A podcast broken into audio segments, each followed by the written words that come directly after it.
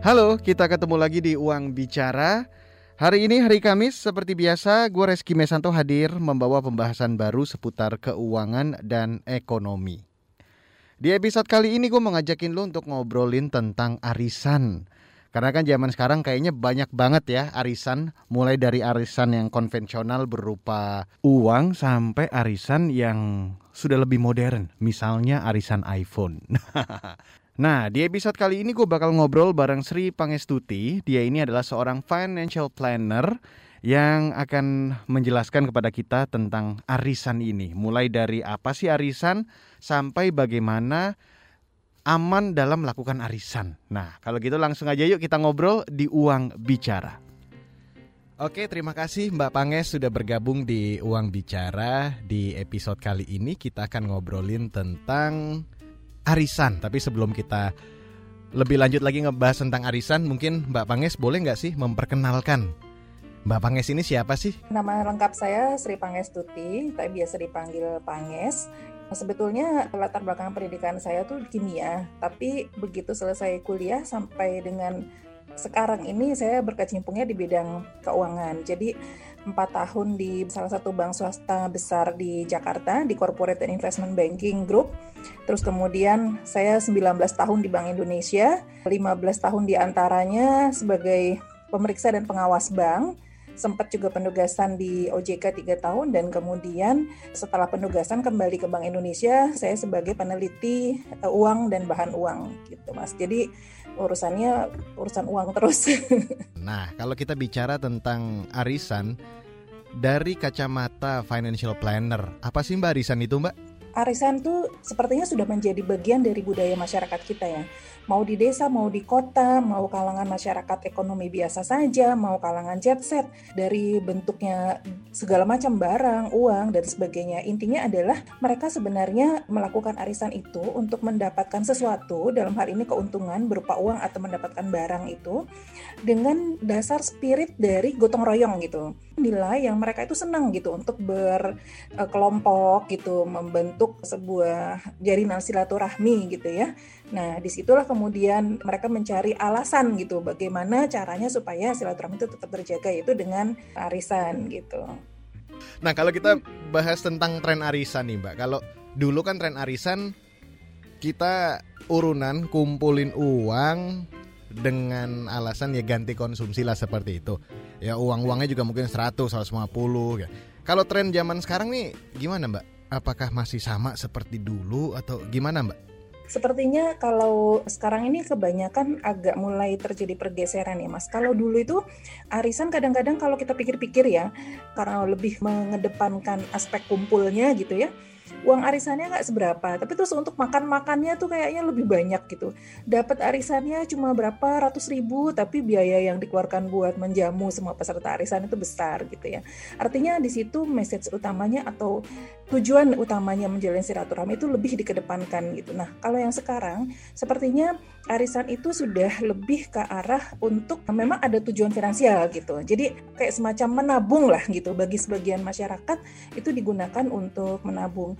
Karena sekarang nih kalau saya perhatikan seperti juga saya dan teman-teman dulu ya kami membuat arisan itu di kantor kita memang sengaja gitu. Karena teman satu kantor kan nggak perlu ya kumpul di waktu tertentu gitu. Nggak ada istilahnya konsumsi gitu jadi memang betul-betul tujuannya adalah untuk menabung gitu pada saat itu gitu sepertinya di kalangan-kalangan artis juga sekarang lagi ngetren ya. Mereka sebetulnya tujuan utamanya kelihatannya lebih untuk menjalin silaturahmi di antara mereka karena kelihatannya ada positifnya gitu ya dari pertemanan itu terus ada penularan-penularan value yang positif gitu insya Allah gitu. Tapi tadi Mbak hmm. Pangge sempat mengeluarkan juga arisan oh, ada kepentingan finansial menabung gitu ya. Ini yang menarik nih Mbak. Ada juga yang hmm. bilang bahwa oh arisan itu kan sama kayak nabung gitu kan. Benarkah Mbak seperti itu? arisan itu umumnya didasari niat kepingin banget untuk uangnya nanti akan ditabung.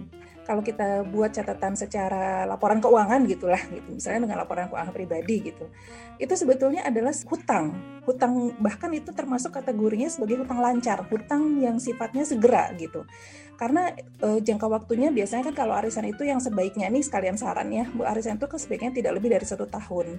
Karena nanti kalau udah lebih dari satu tahun resikonya akan naik nah Resiko artinya resiko terjadi kegagalan lah dari pihak lain ya. Ter, kalau kita bicara dari terms finansial itu semacam resiko kredit. Nah, jadi gini, kalau misalnya secara pencatatan, secara akuntansi, apalagi ini terutama untuk yang dapat duluan nih mas, itu harus dicatat di dalam pencatatan kita secara pribadi ada semacam kewajiban gitu. Dan ini kewajiban yang sifatnya segera, karena ini sebetulnya kan hutang kan, kita sudah dapat dulu uangnya di depan, baru kemudian membayarnya belakangan gitu. Nah, tapi ketika kita misalnya dapatnya itu di belakang, maka itu betul-betul menjadi menabung gitu. Jadi di suatu periode arisan itu adalah suatu periode yang betul-betul memang harus kita kunci gitu. Kita kunci dalam arti ini uang jangan ke mana-mana nih, ini masalah pengelolaan nanti gitu ya mas ya. Jadi ketika sudah diniatkan untuk ikut arisan, maka kita komit untuk menyelesaikan kewajiban itu sampai di akhir dan sebetulnya uang itu baru murni menjadi hak kita ketika seluruh kewajiban itu sudah terselesaikan gitu. Nah, di situlah kemudian menjadi menabung. Kalau kita bandingkan dengan menabung, apakah arisan itu lebih menguntungkan daripada kita menabung secara konvensional misalnya ya? Kalau di dalam arisan yang normal gitu ya Mas, sebetulnya arah keuntungan itu lebih ke arah psikologisnya, bukan secara finansial. Artinya secara psikologis tuh gini, kita tuh cenderung dipaksa gitu loh untuk menabung. Tapi ketika kita menabung sendiri tanpa ada quote unquote paksaan seperti itu dan paksaan psikologis seperti itu maka kita cenderung kalau yang belum terbiasa ya untuk mendisiplinkan diri gitu maka itu menjadi semacam apa ya kalau pragmatis gitu loh untuk ah sudahlah nanti aja lah ah ini bisa ah ini bisa digeser gitu. Kecuali dia memang sudah terbiasa sudah komit terbentuk disiplin terhadap dirinya sendiri gitu ya.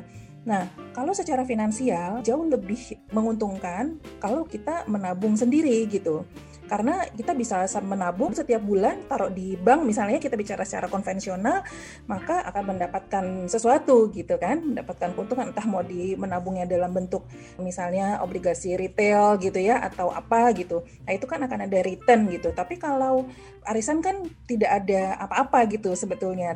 Sebetulnya yang arisan yang bikin gak pusing yang aman itu berapa banyak sih mbak yang bisa kita ikuti per orang gitu misalnya arisan yang aman yang bisa diikuti per orang itu yang kalau kita masukin dengan kewajiban-kewajiban kita yang lain-lainnya itu ya Mas ya. Sudah kita masukin nih kita punya utang ini punya utang itu gitu. Ketambahan lagi arisan gitu ya itu jangan lebih dari 35% totalnya Nah, terus kemudian berapa nominalnya? Nah, ini bisa masuk di dalam berapa tabungan kita yang kita disiplinkan untuk ditabung setiap bulan. Kalau dunia perencanaan keuangan itu kan dana darurat itu udah nggak boleh diutak-atik ya. Dana darurat 10-15% itu sudah harus disiapkan.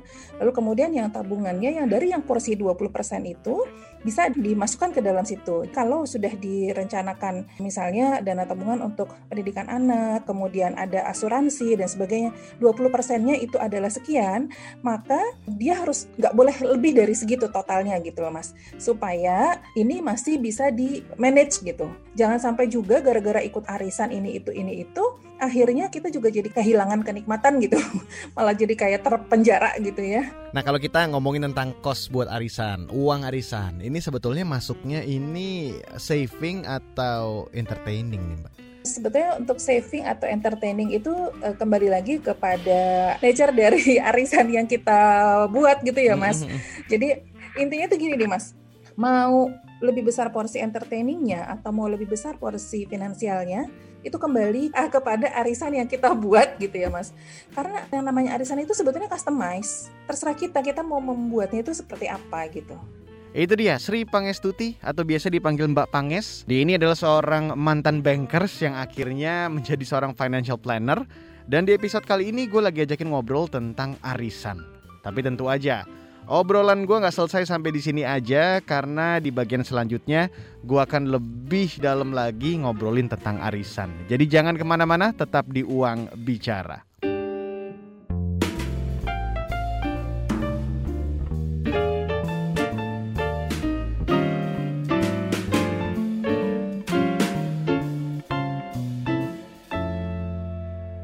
Terima kasih lo masih gabung di Uang Bicara dan di episode ini gue lagi ngobrolin tentang arisan bareng Sri Pangestuti atau yang biasa dipanggil Mbak Panges. Dia ini adalah seorang financial planner. Kalau gitu langsung aja yuk kita ngobrol lagi di Uang Bicara. Ini kita ngomongin tentang bentuk dari arisan.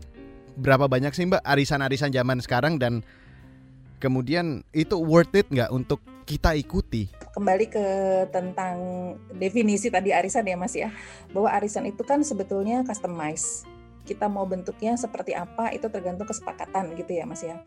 Ada hal yang mungkin juga perlu kita perhatikan yaitu pertama tentang nominalnya itu apakah akhirnya termasuk nominal yang cukup cukup kita bayar gitu ya.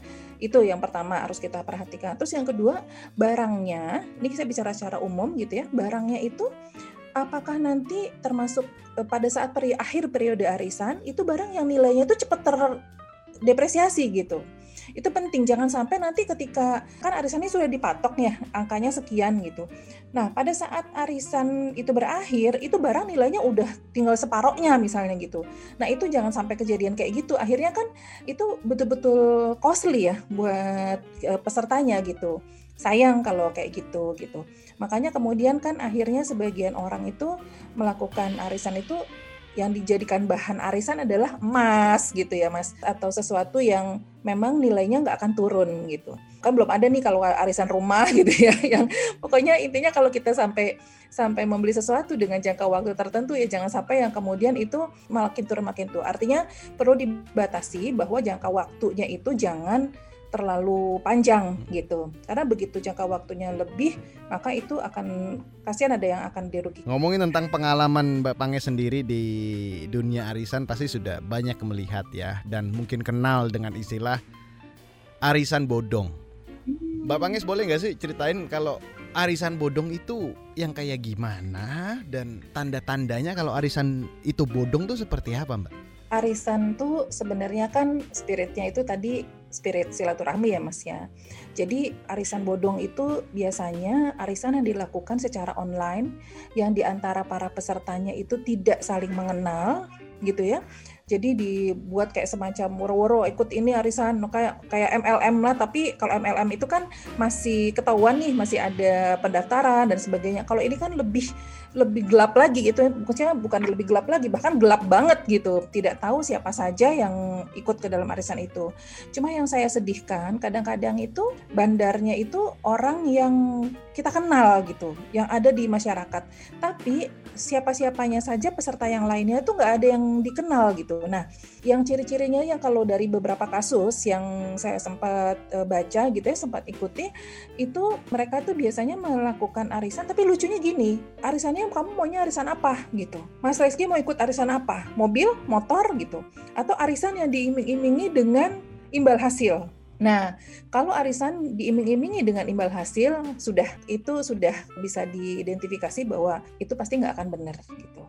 Jadi karena tunggu to be true ya, kalau memang menguntungkan, kenapa nggak dia aja sendiri gitu, yang buat kepentingan dia sendiri aja gitu. Karena sebetulnya arisan itu bukan untuk mendapatkan imbal hasil, imbal hasilnya itu baru kita bisa dapatkan ketika kita sudah dapat arisannya secara utuh, baru kemudian kita investasikan. Artinya keputusan ada di tangan kita, bukan di tangan dia gitu.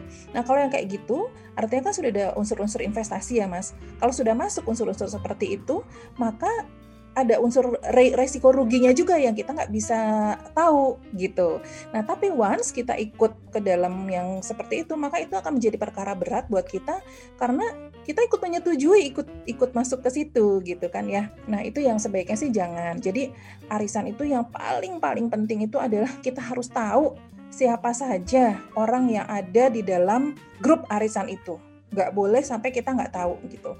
Bahkan kalau perlu kita saling meyakini dulu nih peserta itu tuh di grup arisan itu siapa aja sih orang-orangnya amanah nggak gitu. Kalau ada satu orang atau dua orang yang kok kayaknya kurang amanah, nah itu perlu kita wah siapin nih apa nih mekanismenya nih supaya semua orang amanah gitu terhadap kewajibannya pemenuhi arisan. Arisan yang nah. paling menurut Mbak Panges yang Mbak Panges kasih effort khusus atau perhatian khusus buat arisan itu gitu. Boleh nggak Mbak diceritain? Hmm. Sebenarnya paling saya kasih effort khusus tuh yang ibu-ibu kompleks ya, di karena karena nominalnya besar mas. Jadi saya udah nggak mau gitu. Jadi jadi rupanya itu kayak krem de la creme core of the core. Jadi awalnya itu kan arisan RT, RW malahan arisan RW. Jadi satu kompleks saya ini satu kebetulan klaster aja gitu ya klaster kecil itu cuma dua RT. Nah dibuatlah arisan gitu kan. Dari pengalaman secara arisan yang nominalnya nggak besar, memang betul-betul biasalah di arisan RT itu rasanya kayaknya di tidak ada RT di Indonesia ini yang tidak ada arisan rasanya ya barangkali ya minimal di Jakarta dan sekitarnya gitu. Nah itu dari situ kemudian kan mereka saling mengamati kan. Siapa sih orang yang bayar arisan itu selalu tepat waktu gitu kan? Nah akhirnya di, di ada yang mengusulkan menginisiasi membentuklah arisan yang sifatnya krem de la krem core of the core gitu ya. Nah kemudian dibentuk arisan yang khusus dan karena ini mereka saling meyakini bahwa orang-orangnya adalah orang-orang yang amanah maka kemudian akhirnya diusulkan nilai nominalnya besar gitu ya menurut ukuran saya ya besar saya nggak tahu menurut ukuran peserta yang lain gitu. Saya sudah menolak saya udah saya nggak mau saya nggak mau saya bilang gitu. Terus alasannya apa? Saya nggak mungkin juga kan saya bilang rasanya kok nggak etis juga kalau saya bilangnya saya takut nanti ada yang ngemplang gitu kan nggak enak juga ya.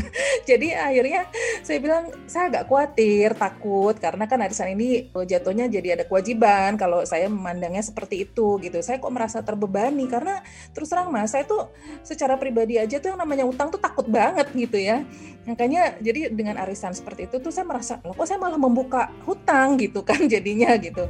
Nah e, tapi mereka maksa banget ayolah ayolah dipaksa. Akhirnya ya dibujuk-bujuk sedemikian rupa saya bilang ini gimana caranya? Saya boleh nggak? Kalau saya ikut saya menetapkan aturan. Saya bilang gitu kebiasaan jadi regulator ya mas ya. Jadinya akhirnya saya bilang saya tetapkan aturan saya bilang. Terus kata mereka oh ya boleh silakan. Nah pertama sebelum dimulai semua harus kumpul jadi akhirnya semua kumpul tuh mas. Nah, semua kumpul, terus kemudian saya tetapkan begini, begini, begini. Saya minta semua suami-suami membuat surat pernyataan. Dan uh, kita konfirmasi bukan cuma sekedar surat pernyataan loh mas. Karena kita takut itu fake gitu ya. Kita takut kayak gitu.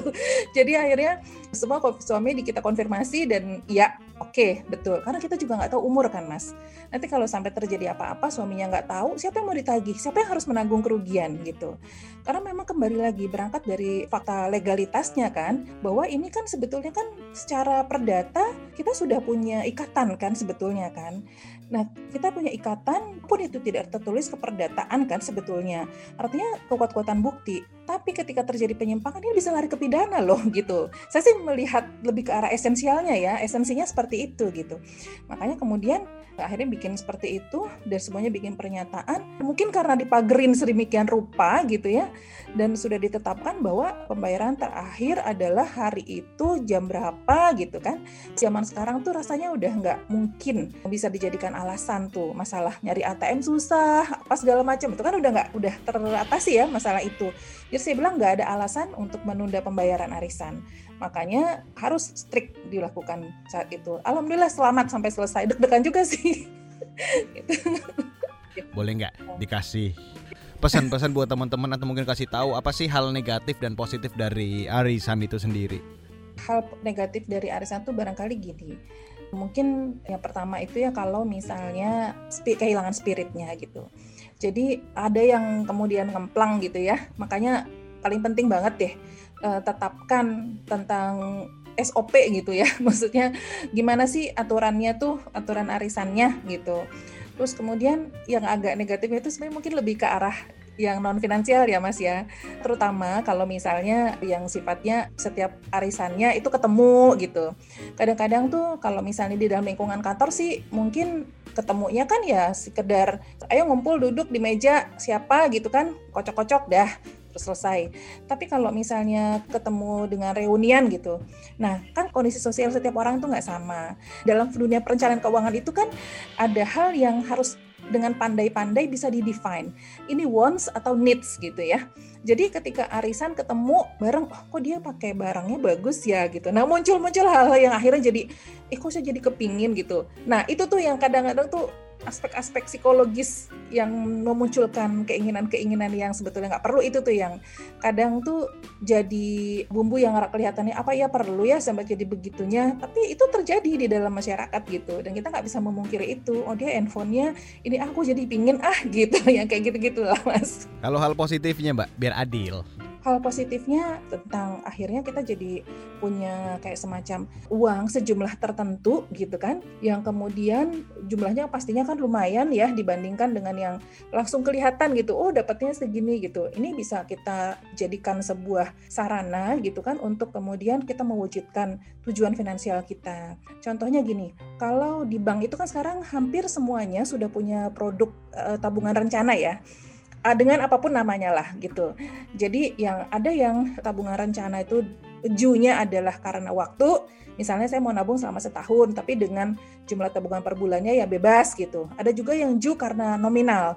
Jadi misalnya saya mau nabung 20 juta gitu. Tapi begitu nangka itu 20 juta, misalnya ternyata cuma cukup lima bulan atau mungkin dua tahun gitu. Baru kemudian cair gitu. Nah, arisan ini bisa menjadi solusi di tengah tuh di antara itu. Jadi misalnya saya ingin punya uang ada perlu 20 juta misalnya buat jalan-jalan ke Turki deh misalnya gitu ya Mas ya. Kepingin jalan-jalan ke Turki deh butuhnya berapa? Oh berdua sama suami misalnya 20 juta gitu. Maka itu kalau misalnya kita nabung kan tadi kayak tadi ya. Tapi kalau arisan itu bisa ada kayak semacam boleh nggak kalau saya dapat duluan. Biasanya kadang-kadang gitu kan. Atau bisa nggak ya e, misalnya dapatnya dia disesuaikan dengan rencananya kapan, maka kemudian dia butuhnya kapan gitu. Tapi hal yang perlu digarisbawahi adalah kalau arisan tuh kadang kan seringnya kayak gitu tuh ya Mas, ego-egoan gitu. Maunya duluan gitu. Nah, yang perlu digarisbawahi itu itu butuh kelegowoan masing-masing pihak. Karena tujuan kita tadi kan buat pertemanan, buat persaudaraan gitu. Jangan sampai hal ini malah jadi batu sandungan gitu buat pertemanan dan persaudaraan. Jadi kalau mau dapat dengan sudah diincar mau periode yang kapan, maka sebaiknya itu dibicarakan baik-baik gitu. Dan sebaiknya disetujui oleh semuanya gitu. Jadi jangan selempat-selempit atau agak maksa atau gimana gitu. Terbuka lah intinya tuh komunikasinya dibuat terbuka, dibikin transparan dan uh, saling jaga gitu ya. Oke, Mbak Panges, pertanyaan pamungkas, pertanyaan terakhir yang pasti paling ditunggu-tunggu. Ada pesan-pesan nggak Mbak tentang arisan buat teman-teman di Uang Bicara? Monggo Mbak. Kalau mau arisan, silakan dipikirkan dengan seksama ya, dihitung. Jangan sampai kemudian arisan ini menjadi beban yang malahan kemudian akhirnya kita menjadi pikiran lah, pikiran siang malam tuh kita kepikiran gitu. Tentukan besar nominal dengan bijaksana itu paling penting. Jangan terbawa oleh nafsu. Kalau misalnya, wah gede ya angkanya gitu. Nah, dapatnya gitu. Jangan berorientasi kepada gede dapat angkanya, tapi berapa yang sanggup kita ikut setiap bulannya. Gitu. Itu yang paling penting. Kemudian arisan itu paling penting juga saya tekankan supaya dilakukan di close loop di lingkungan yang kita kenal betul-betul yang kita kenal baik dan pilihlah teman-teman yang memang kita sudah tahu orang-orangnya juga amanah. Dan yang paling penting lagi jangan sampai gara-gara arisan ini kemudian hubungan pertemanan kita jadi rusak. Itu yang paling penting. Itu dia Sri Pangestuti atau yang biasa dipanggil Mbak Panges yang udah ngejelasin ke kita tentang arisan. Apa itu arisan, sampai bagaimana tanda-tanda kalau arisan itu bodong. Mudah-mudahan ya ada hal baik yang bisa lo ambil dari episode kali ini. Anyway, sampai di sini dulu uang bicara kali ini. Buat lo yang punya kritik, saran ataupun masukan ide-ide menarik untuk dibahas di Uang Bicara, langsung aja kirim email ke podcast at kbrprime.id. Jangan lupa subjeknya Uang Bicara. Gua Reski Mesanto undur diri, tetap semangat, tetap sehat dan yang paling penting adalah tetap bahagia. Bye bye.